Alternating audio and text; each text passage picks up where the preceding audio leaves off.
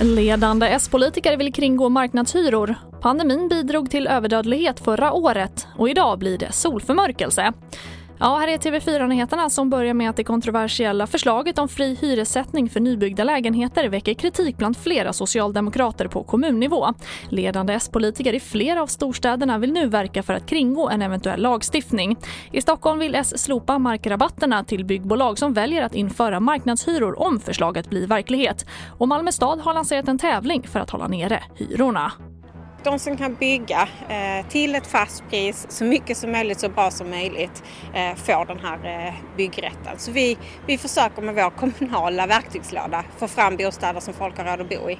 Och jag önskar så uppbackning av den nationella politiken.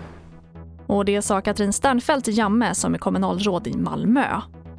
Och coronapandemin bidrog till att drygt 7 000 fler personer dog i Sverige förra året jämfört med snittet för åren 2015 till 2019, det visar statistik från Socialstyrelsen. Totalt dog 98 229 personer förra året, men snittet för de fyra föregående åren låg på cirka 91 000 personer.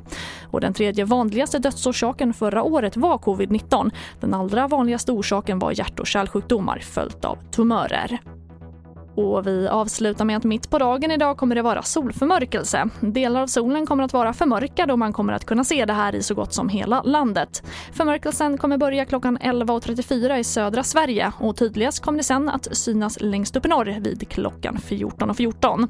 Och det får avsluta TV4-nyheterna och fler nyheter hittar du alltid på vår sajt tv4.se. Jag heter Charlotte Hemgren.